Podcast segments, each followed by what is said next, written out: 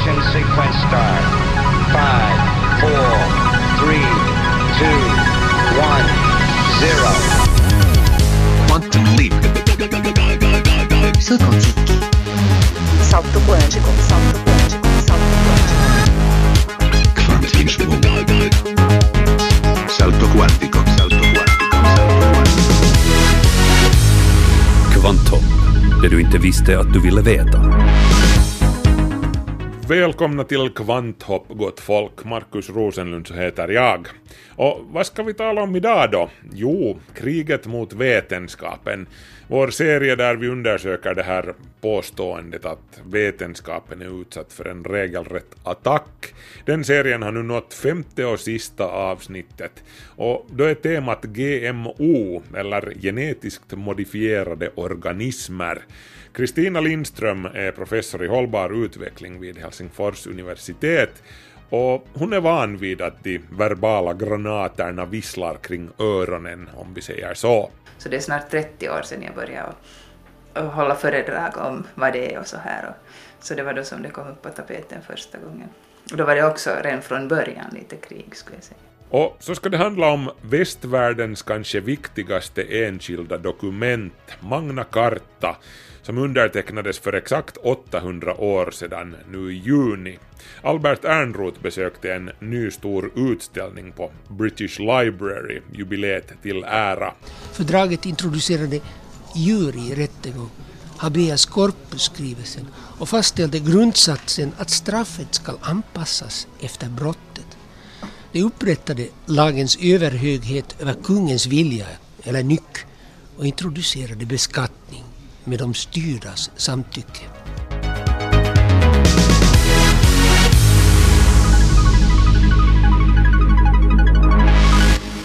Men innan vi går in på det här.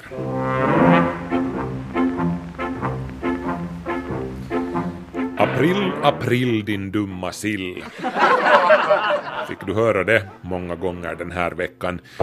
Skyll på fransmännen. Det var de som började med det här.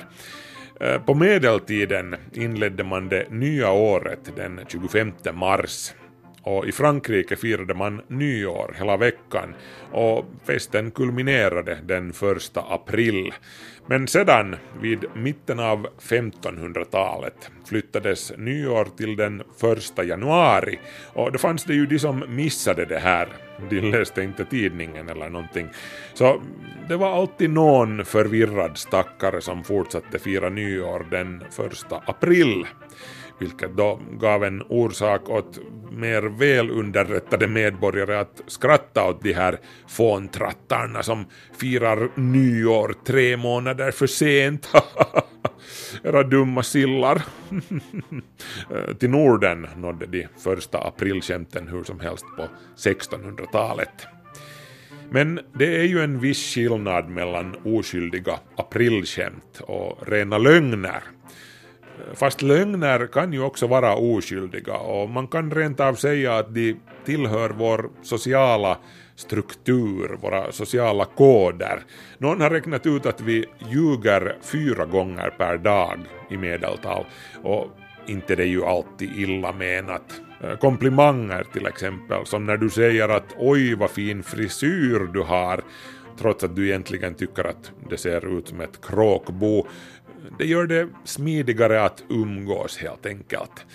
Eller då du får en present som du egentligen inte gillar. Klart att du ljuger lite. Jag gör det. Eh, det finns till och med de som menar att lögnen kom till som ett sätt för människan att överleva. Eh, tror du att din förfader på stenåldern alltid berättade för de andra var de bästa jaktmarkerna fanns? Eller tror du att han pekade åt fel håll ibland? Nå, klart han gjorde det. Och du skulle kanske inte finnas här om han inte hade gjort det. Nå men hur avslöjar man en äkta lögnare då? Hur skiljer man åt en sådan från en som bara narras lite oskyldigt på första april? Enligt Per-Anders Granhag som är professor i psykologi vid Göteborgs universitet så är det svårt, på gränsen till omöjligt att med säkerhet avgöra om någon ljuger eller talar sanning. Eh, det är inte meningsfullt att göra en lista på säkra tecken. Det finns inga, säger han i en intervju för Dagens Nyheter. Eh, många tror att lögnare undviker ögonkontakt till exempel eller har ett nervöst kroppsspråk. Men det finns inga studier, ingen vetenskap som stöder det här.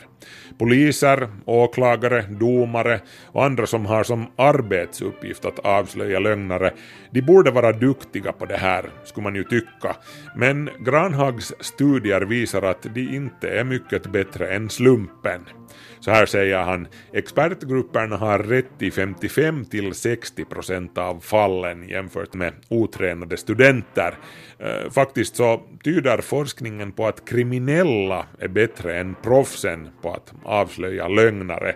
Orsaken är helt enkelt att kriminella är mer vana vid lögner, både sina egna och andras. De har fått respons på sina lögner.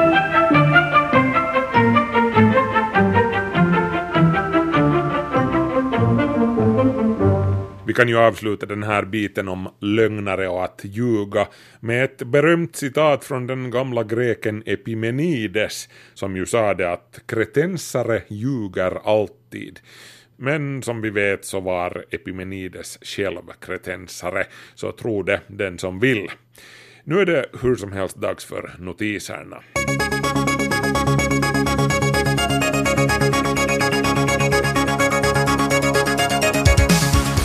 Det som göms i snö och så vidare.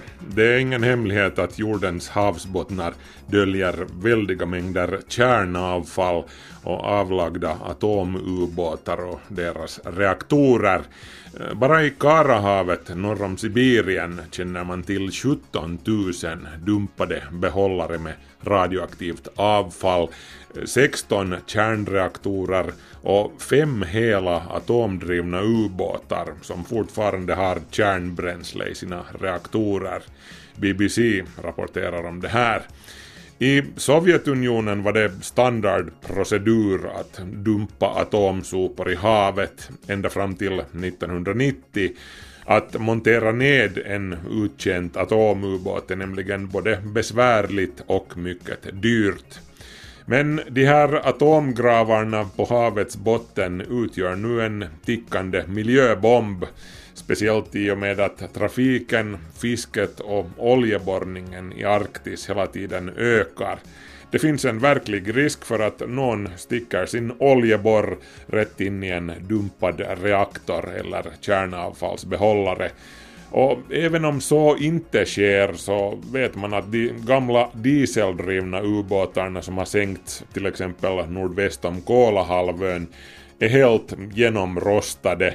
Så det är bara en fråga om tid innan de atomdrivna ubåtarna där nere är i samma bedrövliga skick.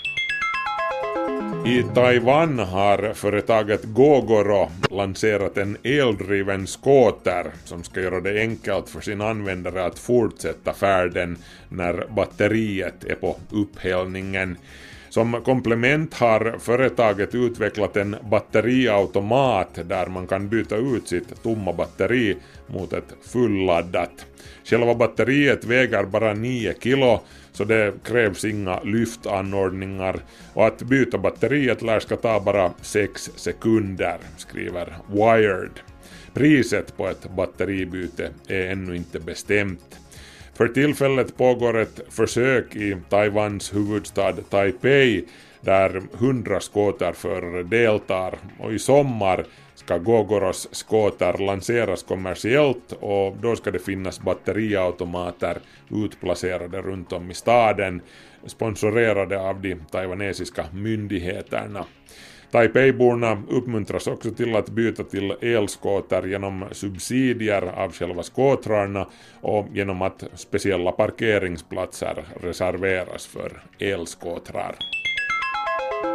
I takt med att fler och fler planeter i andra solsystem, så kallade exoplaneter, upptäcks blir det allt klarare att vårt solsystem är lite udda. Varför finns det till exempel inga planeter innanför Merkurius omloppsbana? I de flesta andra solsystem råder det trängsel i den här zonen nära stjärnan. Men inte hos oss. Här finns det små stenplaneter längre ut. Merkurius, Venus, jorden och Mars. En sammansättning som tycks vara ganska sällsynt i andra solsystem. Nu har ett forskarteam på Caltech i Kalifornien, ledd av Konstantin Batygin, utvecklat en hypotes om vad det här beror på. Datormodellerna tyder på att det beror på Jupiter, som i solsystemets barndom vandrade inåt och utåt i solsystemet. Och med sin starka gravitation sopade banan ren så att säga. Fick de superjordar som fanns här att störta in i solen vilket i sin tur gjorde det möjligt för de små stenplaneterna, inklusive jorden, att bildas från överblivet bråte, något som tog en god stund. Det här skulle förklara varför jorden och de andra små planeterna tros ha uppstått cirka 200 miljoner år efter att solen kom till. Det skulle också förklara det besynnerliga faktum att till exempel vår jord har en relativt vetefattig, tunn atmosfär till skillnad från så kallade superjordar i andra solsystem som ofta har en tjock, vetemättad atmosfär. Så kan vi ännu notera att ett övergrepp kommer sällan ensamt. En doktorsavhandling av Johanna Simmons vid Linköpings universitet tyder på att många som uppger att de har blivit slagna, våldtagna eller förföljda också har utsatts för andra former av våld och av mer än en förövare. Det här gäller både kvinnor och män. Forskning.se skriver om det här. Avhandlingen bygger på självrapporterade uppgifter från 3600 kvinnor och 4700 män av de kvinnor som utsatts för våld uppgav nästan varannan att de hade utsatts för mer än en typ av våld. Mer än var tredje hade råkat ut för flera förövare. Bland de drabbade männen hade var tredje utsatts för flera typer av våld och var fjärde av flera förövare. I kvinnornas fall var det ofta deras partner som var förövaren medan det i männens fall oftare handlade om bekanta eller främlingar. Studien tyder också på att männen inte tas på allvar av vårdpersonalen som ofta verkar tro att det bara är kvinnor som får stryk av män och inte tvärtom.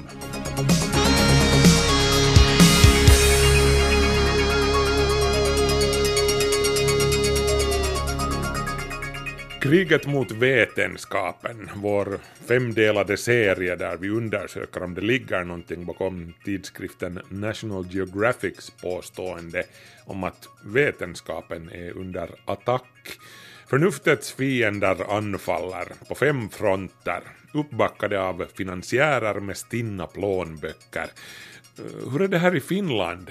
Vi här på Kvanthopp har i en månads tid nu frågat representanter för olika vetenskapliga sektorer om de har märkt av något krig. Om en liten stund ska vi få höra det femte och sista avsnittet i serien och då är det GMO, eller genetiskt modifierade organismer, som står i turen. Men före det ska vi ta ett litet sammandrag av diskussionen så här långt. Och vi börjar med klimatet. Mikael Hildén, professor vid Finlands miljöcentral. Pågår det ett krig mot vetenskapen?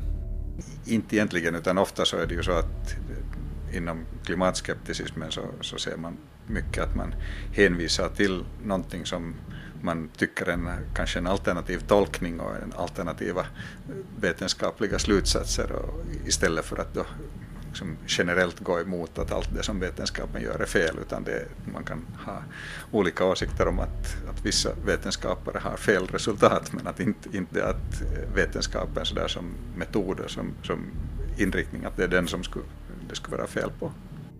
Äh, Lotta Sundström, professor i evolutionsbiologi vid Helsingfors universitet. Pågår det ett krig mot vetenskapen? Eh, kanske att säga att det pågår ett krig eh, eh är lite väl kraftigt, eh, åtminstone för finska förhållanden. Att vi har ändå en ganska, ska säga, vetenskapligt inriktad syn på livet och miljön och, och allt det vi konfronteras med här i Finland och i Norden och också i Europa. Men att förstås att eh, om man följer med eh, den diskussion som förs i USA till exempel så där är det kanske någonting som mera börjar påminna om ett krig. Heikki Peltola, infektiotautiopin professori. Käydäänkö sotaa tiedettä vastaan? Ehkä jossain määrin. On aika paljon ihmisiä, jotka ovat vastaan rokotuksia, mutta jos kysytään missä heidän perusteensa on, niin se on kyllä aika huonoa. Toisin sanoen se ei ole mitenkään tieteellisesti perusteltua. Så vilka följder kan kriget mot vetenskapen få här i Finland när det gäller vaccination? Jag åkte till infektionskliniken och frågade överläkare Asko Järvinen. No då kan man säga att man vrider, vrider klockan bakåt ifall det så skulle hända. Att då börjar vi få sjukdomar som vi inte mera har haft här. Ett gammalt finskt ordspråk talar att man ska inte räkna sina barn förrän mässlingen har besökt huset. Vi följer de första stegen på månen. Astronauterna Neil Armstrong och Edwin Aldrin landade igår kväll klockan 22.17.40 och och de har nu varit ungefär 20 minuter ute på månytan. Juhani Westman, pågår det ett krig mot vetenskapen? Tja, det har väl hela tiden pågått det, för det finns ju alltid människor som inte tycker om att deras kärt omfattade fördomar blir sönderslagna och, och de själva blir liksom förpassade till idiotgarde, vilket alltid då och då händer. Det tycker jag förstås ingen människa om. Så det finns den här gruppen jo, som inte tycker om vetenskap, särskilt då naturvetenskap. Ända sedan 60-talet har det cirkulerat mängder av olika konspirationsteorier om att månlandningarna under Apollo-programmet aldrig ägde rum utan att de fejkades då USA inte hade råd att förlora månkapplöpningen mot Sovjetunionen. Jag frågar Westman om han har stött på skeptiker av den kalibern. Nå, nu hör man ju alltid om det, men det är sådana där saker som man kan ta med helst med ett stilla överseende leende för om man börjar ondgöra sig över mänsklig dumhet så då får man hålla på hela dagen. Det är kanske just som det har sagts i krig att eh, sanningen hör till de första offren. det, det gäller också det här, eh, ett krig mot vetenskap. Och Det är alltså Oskar Koivumäki som står för intervjuerna här. GMO eller genetiskt modifierade organismer, det är rubriken för det femte och sista avsnittet i serien. Pågår det ett krig mot dem som forskar i sådant? Oskar Koivumäki gick iväg till Helsingfors universitet. Kristina Lindström, professor i hållbar utveckling. Pågår det ett krig mot vetenskapen?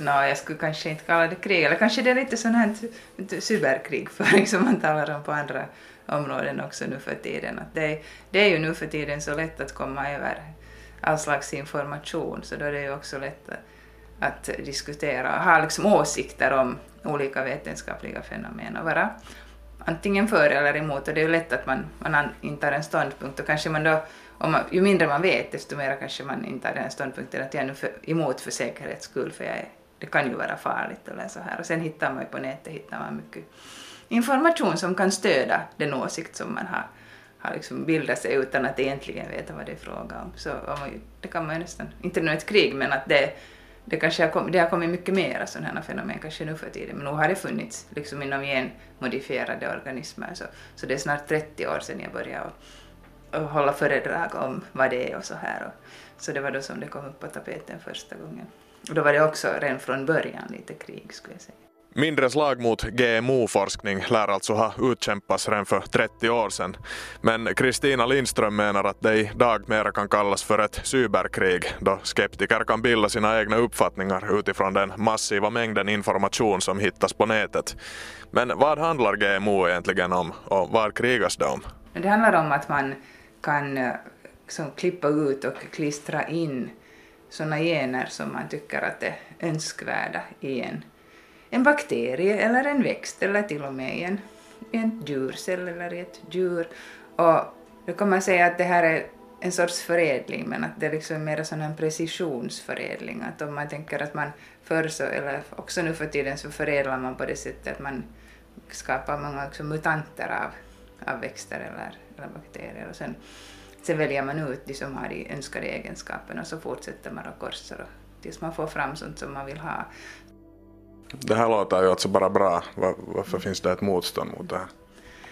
Jag skulle säga att motståndet kanske kommer främst från det att man, är, man tycker att det här är liksom främmande och skrämmande och tycker att det är så nytt att vi vet inte vad det har för effekt på, på människan. Nå, I USA säger de att de har redan i många, många år så har det pågått ett, ett stort försök med människor för att det, det mesta av sojan och majsen i USA och också på världsmarknaden så den innehåller någon del av de här generna och man kan inte påvisa att någon skulle ha dött av det, ska vi säga på det sättet.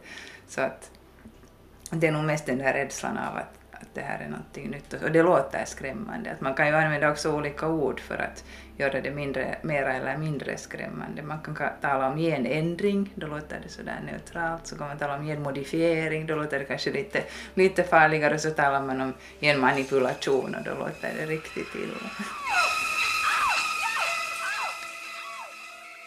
Var står vi i Finland när det gäller GMO? Just nu så står vi, står vi väl inför det att dels det finns inte egentligen odlingsväxter som kan odlas i Finland. Alltså sådana genmodifierade växter som, som man skulle kunna odla i Finland. Till exempel sojan tål inte våra långa eller våra korta nätter egentligen på, på sommaren. Så, så det inte. Och sen har vi kanske inte sådana problem som, som de här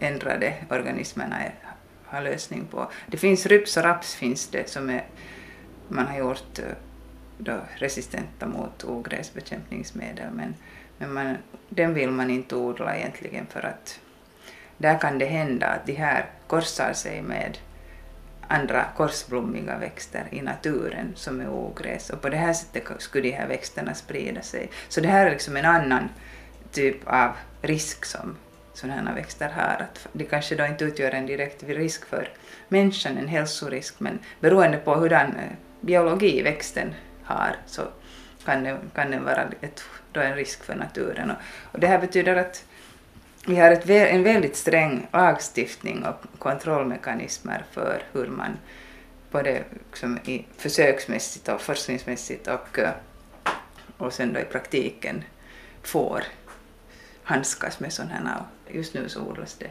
ingenting.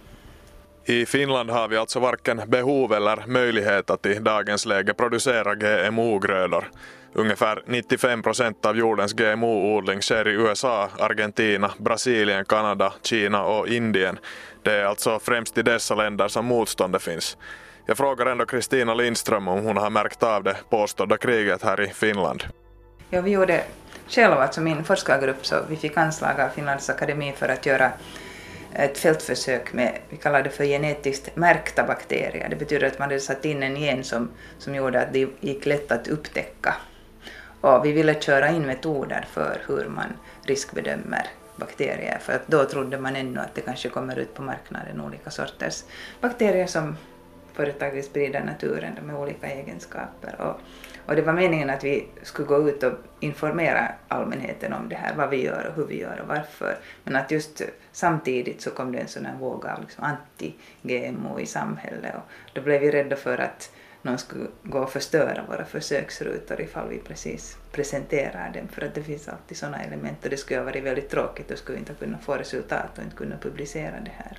Sen när, när det här experimentet var slut, vi gjorde det i sådana ganska halvslutna cylindrar på, på åkern så att det var de, och vi kollade ännu att bakterierna inte spreds ifrån dem och, de, och vattnet som rann igenom marken där så den tog vi tillvara och kollade att rinner det bakterier igenom och de hade liksom en, en botten de här. Så det var väldigt, det var liksom inte ett helt öppet fältförsök. Men sen när försöket var slut så måste vi ännu gräva upp all jord och transportera det till Riihimäki för bränning för att de skulle förstöras, de här bakterierna. Det, det var nog lite långsökt men det gjordes i varje fall.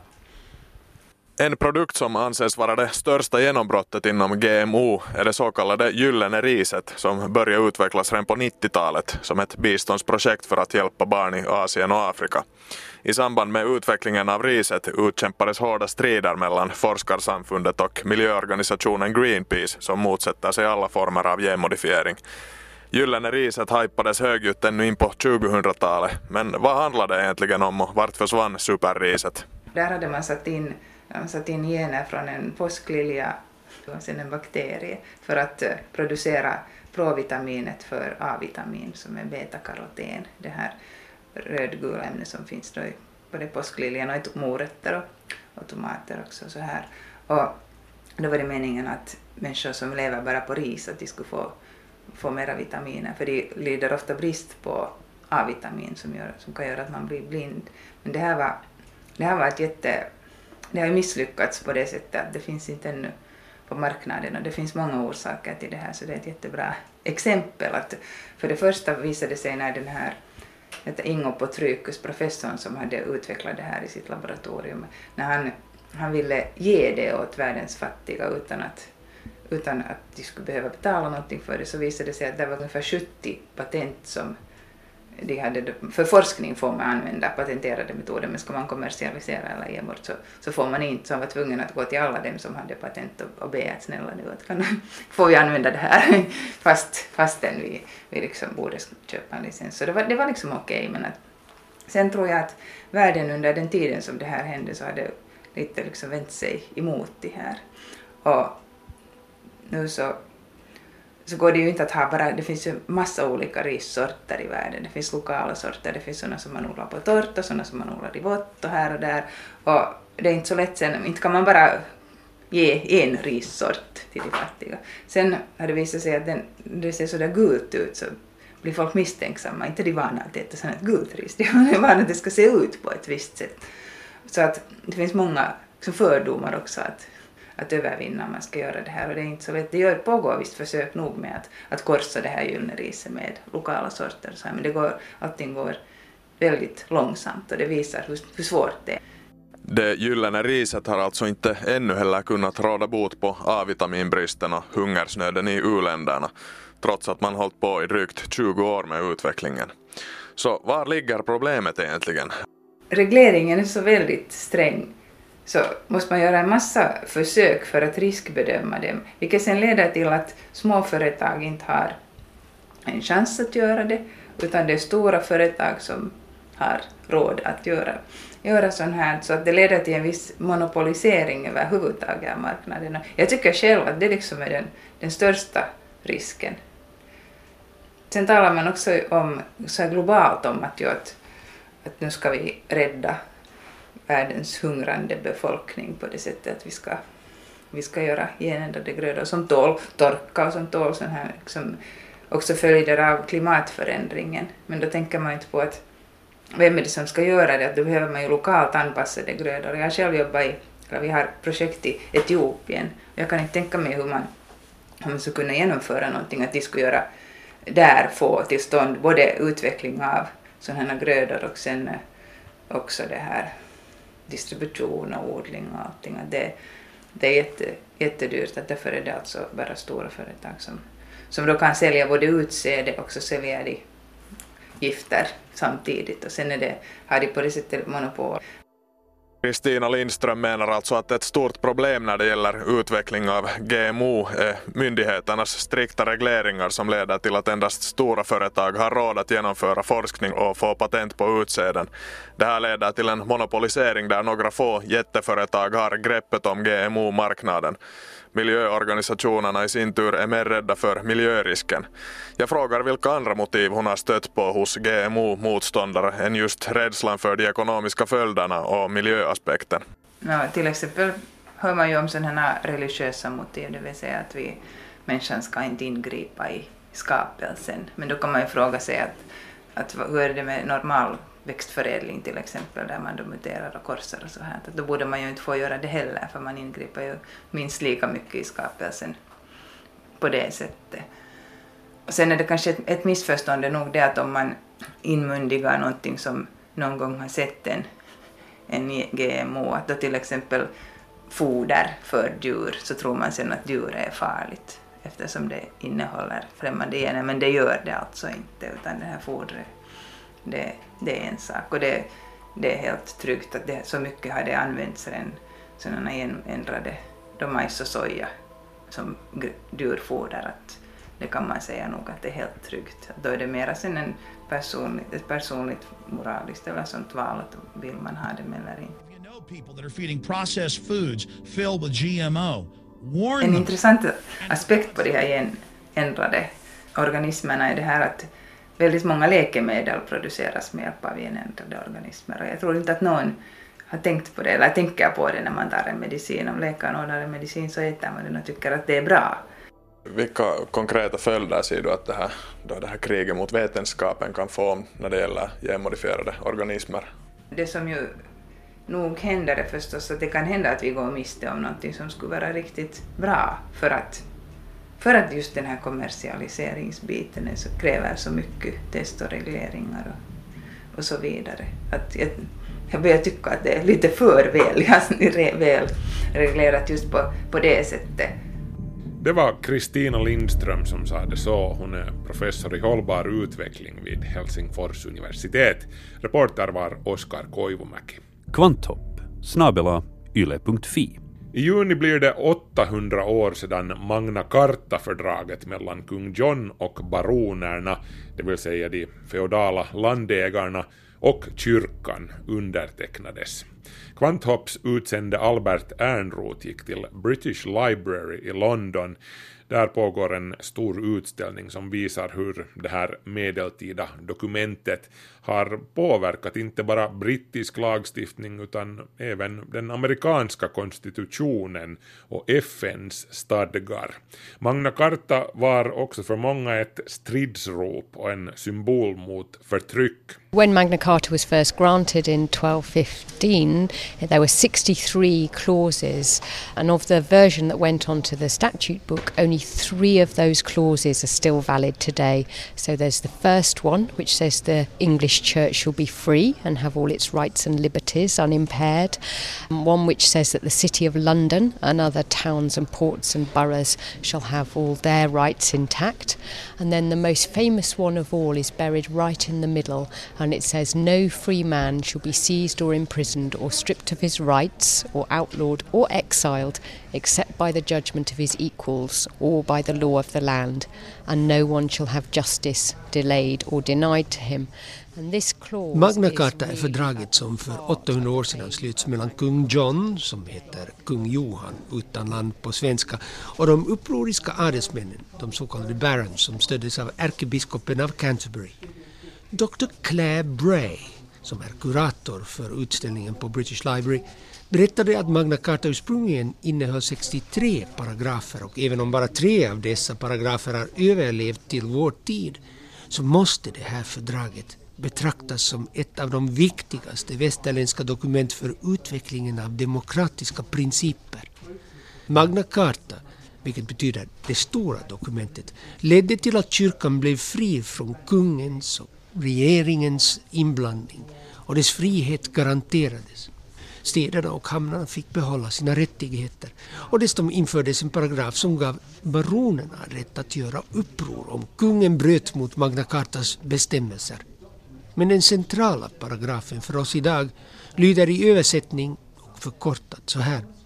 Ingen fri man ska gripas eller sättas i fängelse eller berövas sin besittningsrätt till fri jord eller berövas sina friheter eller göras fredlös eller landsförvisas.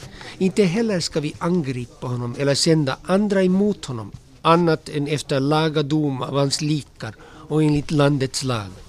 Till ingen ska vi neka eller förhala hans rätt till rättvisa. We stand today at the threshold of a great event, both in the life of the United Nations and in the life of mankind. This Universal Declaration of Human Rights may well become the international Magna Carta of all men everywhere.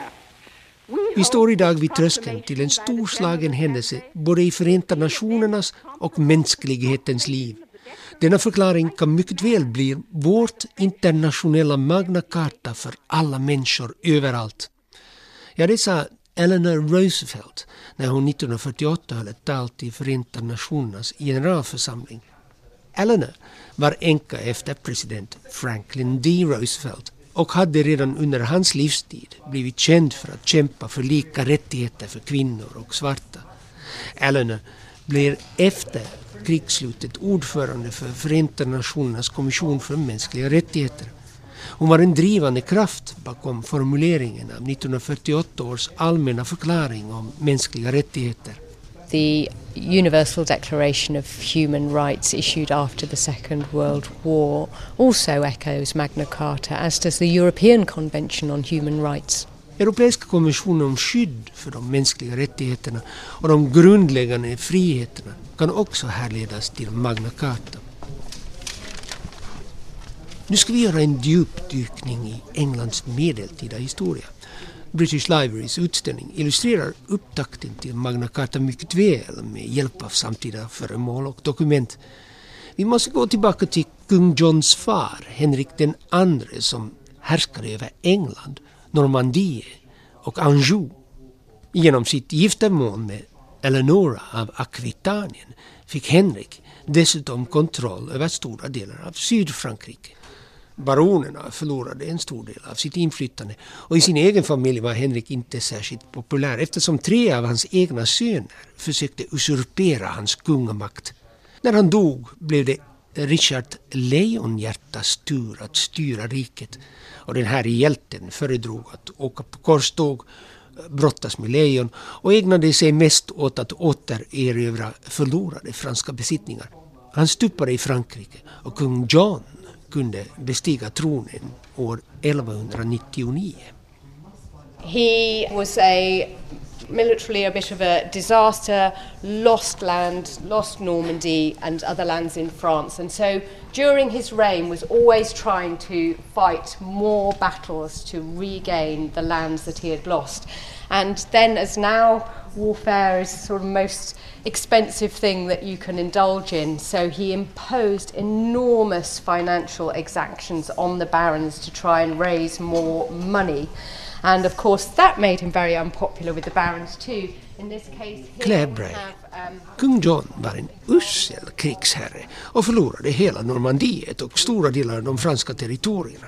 Han gjorde desperata försök att återerövra områden men krigföring är en dyr sysselsättning. Genom ovanligt hård beskattning lyckades han få ihop pengar till sina krigiska tidsfördriv.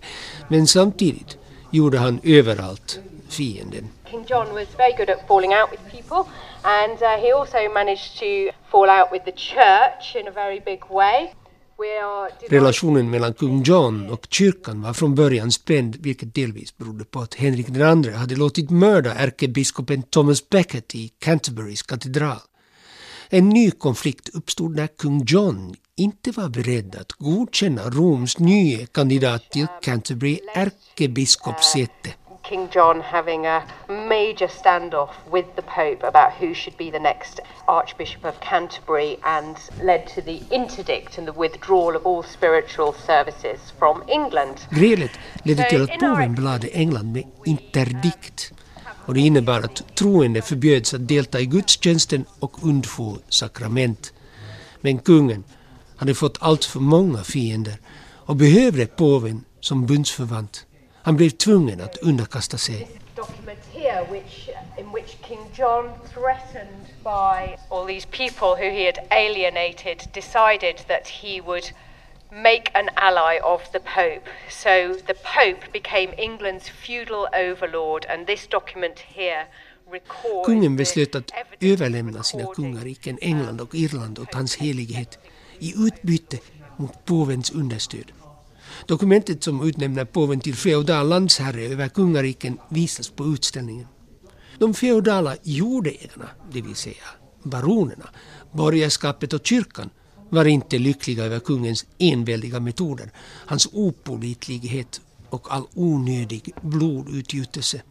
Till slut vägrade landägarna i norr betala de höga skatterna och tågade ner mot slottet i Windsor där kungen befann sig. Kung John blev tvungen att underhandla för att förhindra ett uppror. De båda partierna träffades på en äng vid floden Themsen, inte långt från Windsor. Stället heter Runnymede och man kan besöka det idag. Det ser tydligen ganska lika ut som för 800 år sedan. Now, you may be aware that there's today survive four manuscripts of the original Magna Carta. Vi hörde Julian Harrison som också är en av kuratorerna för utställningen. Det existerar fyra originalexemplar av Magna Carta. British Library äger två av dessa, varav ett skadades vid en brand på 1700-talet. Magna Cartas latinska text är minuskel, skriven på ett rektangulärt fårskinnspergament. Inga illuminationer, alltså medeltida utsmyckningar.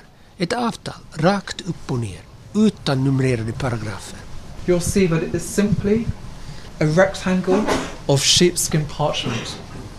It's written in incredibly small handwriting. It's written in Latin. And you can look in vain to find King John's signature at the bottom.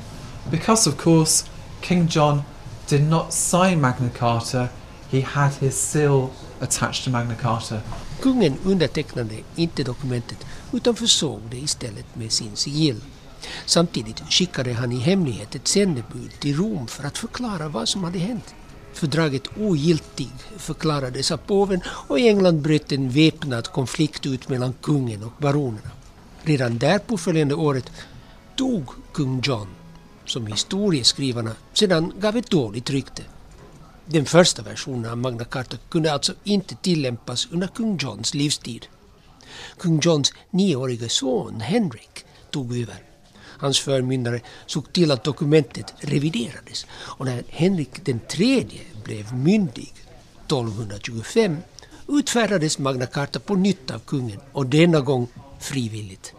Det är i princip den här versionen som har åberopats under de följande århundradena.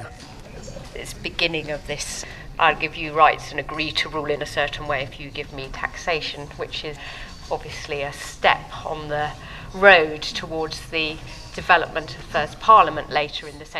Kungen visade sig vara beredd att dela med sig av sin makt och gav de översta stånden flera rättigheter i utbyte mot skatter. Claire Bray påstår att det här i princip är grunden till utvecklingen av det engelska parlamentet.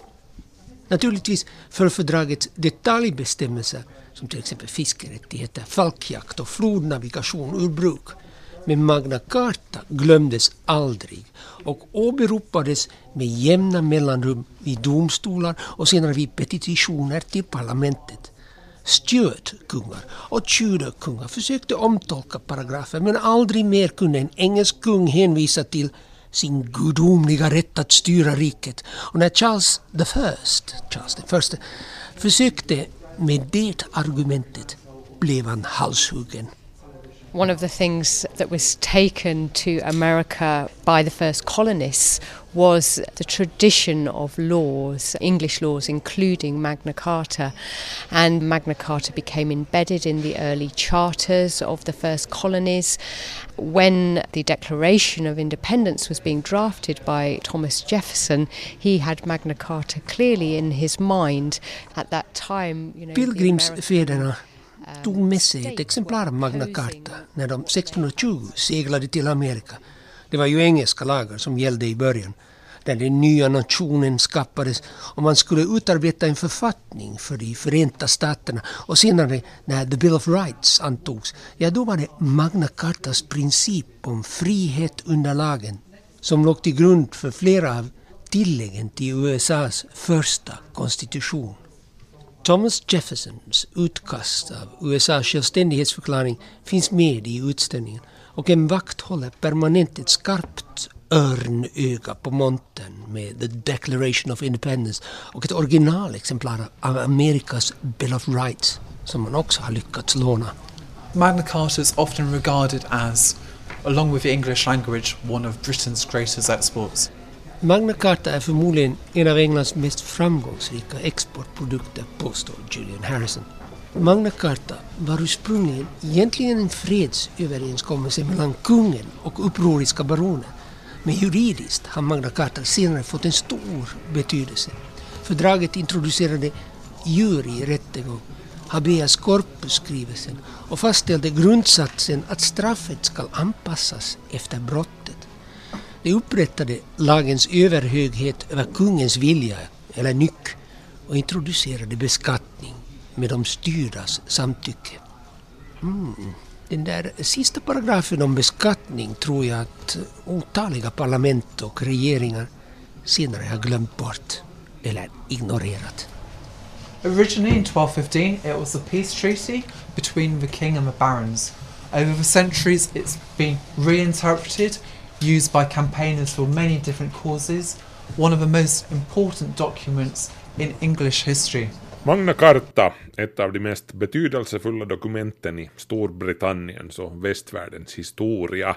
Albert Ernroth var det som stod för det här inslaget. Jaha, och ser man på, klockan tickar och vi ska ännu hinna med vår serie om grundämnena, universums innehållsförteckning så kallar jag det. Och veckans grundämne är uppkallat efter en viss asagud, ni vet han med hammaren. Kvanthopp presenterar en serie i 117 delar. Det som allt bygger på, eller våra grundämnen från BT till Unuoctium. Atomnummer 90, torium, kemiskt tecken TH, tillhör de så kallade aktiniderna. Torium är ett av de tre radioaktiva grundämnen som förekommer i en betydande mängd i jordskorpan. De två övriga är vismut och uran. Och faktum är att det finns tre gånger mer torium än uran i jordskorpan, vilket gör det ungefär lika vanligt som bly. Torium upptäcktes 1828 av Jöns Jakob Berzelius, också känd som den svenska kemins fader. Sitt namn fick torium från, vem annars, den fornnordiske åskguden Tor. Det dröjde ett tag innan man hittade på någon användning för torium. Det skedde 1885 i form av glödstrumpan för fotogenlampor. Det är på grund av att torium har en väldigt hög smältpunkt, 3300 grader Celsius, vilket gör att det inte brinner eller smälter utan glöder med ett starkt ljus då man hettar upp det. Många har säkert haft eller har en sån här Aladdin-lampa på stugan. Jag har själv en sådan. Och jag har för mig att man inte använder torium i glödstrumporna numera Eh, åtminstone inte i USA och Europa eftersom torium är radioaktivt, inte så värst mycket, men det ger ifrån sig en del alfastrålning. Men torium har potential till så mycket mer än bara fotogenlampor. Det finns ambitiösa planer på att använda torium som bränsle i nästa generations kärnreaktorer. Till exempel Indien som sitter på stora toriumfyndigheter men inte värst mycket uran hoppas kunna utnyttja torium som framtidens energikälla. Torium beter sig inte riktigt som uran i en kärnreaktor. Det producerar för lite neutroner för att kunna uppehålla fissionsprocessen av sig självt. Men genom att bombardera torium med neutroner får man det att producera uran-233 som i sin tur klyvs och skapar mer neutroner och energi. Torium har flera fördelar jämfört med uran. Bland annat så finns det som sagt mycket mer torium än uran i jordskorpan. Och så har torium dessutom en väldigt mycket högre verkningsgrad än uran, det vill säga 100% av bränslet används i fissionsprocessen. Bränslet i en typisk kärnreaktor som använder uran-235 innehåller bara 3-5% uran-235 och av det går bara en dryg fjärdedel åt till själva energiproduktionen. Torium har också den fördelen att avfallet som en toriumreaktor producerar strålar i inom citat bara 500 år jämfört med det nuvarande kärnavfallet som strålar i 100 000 år eller så. Och så kan man inte producera material för kärnvapen med en toriumreaktor heller. Eftersom torium är naturligt förekommande nästan överallt på jorden så finns det också i våra kroppar. Du innehåller just nu omkring 100 mikrogram torium och varje dag får du i dig omkring 3 mikrogram.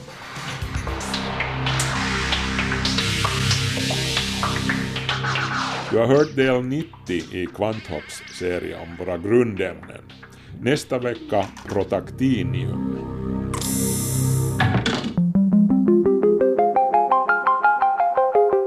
Kvanthopp, det du inte visste att du ville veta. Så jag gott folk, Kvanthopp börjar lida mot sitt slut. Serien om det påstådda kriget mot vetenskapen är också slut. Och jag tackar dem som har skrivit och kommenterat. Jag vill ännu påpeka att vårt syfte med serien aldrig var att ge en heltäckande översikt av de olika forskningsområdena med representanter för alla olika synsätt, utan helt enkelt att låta representanter för den så kallade mainstream-vetenskapen svara på huruvida de känner att de är under attack, så som vissa hävdar. Och nu har vi gjort det. Eh, diskussionen tar inte slut här, inte heller för Kvanthopps del. Det här programmet är däremot slut nu, men vi finns ju som vanligt på arenan och på Facebook. Markus Rosenlund, så heter jag. På återhörande om en vecka. Hej så länge.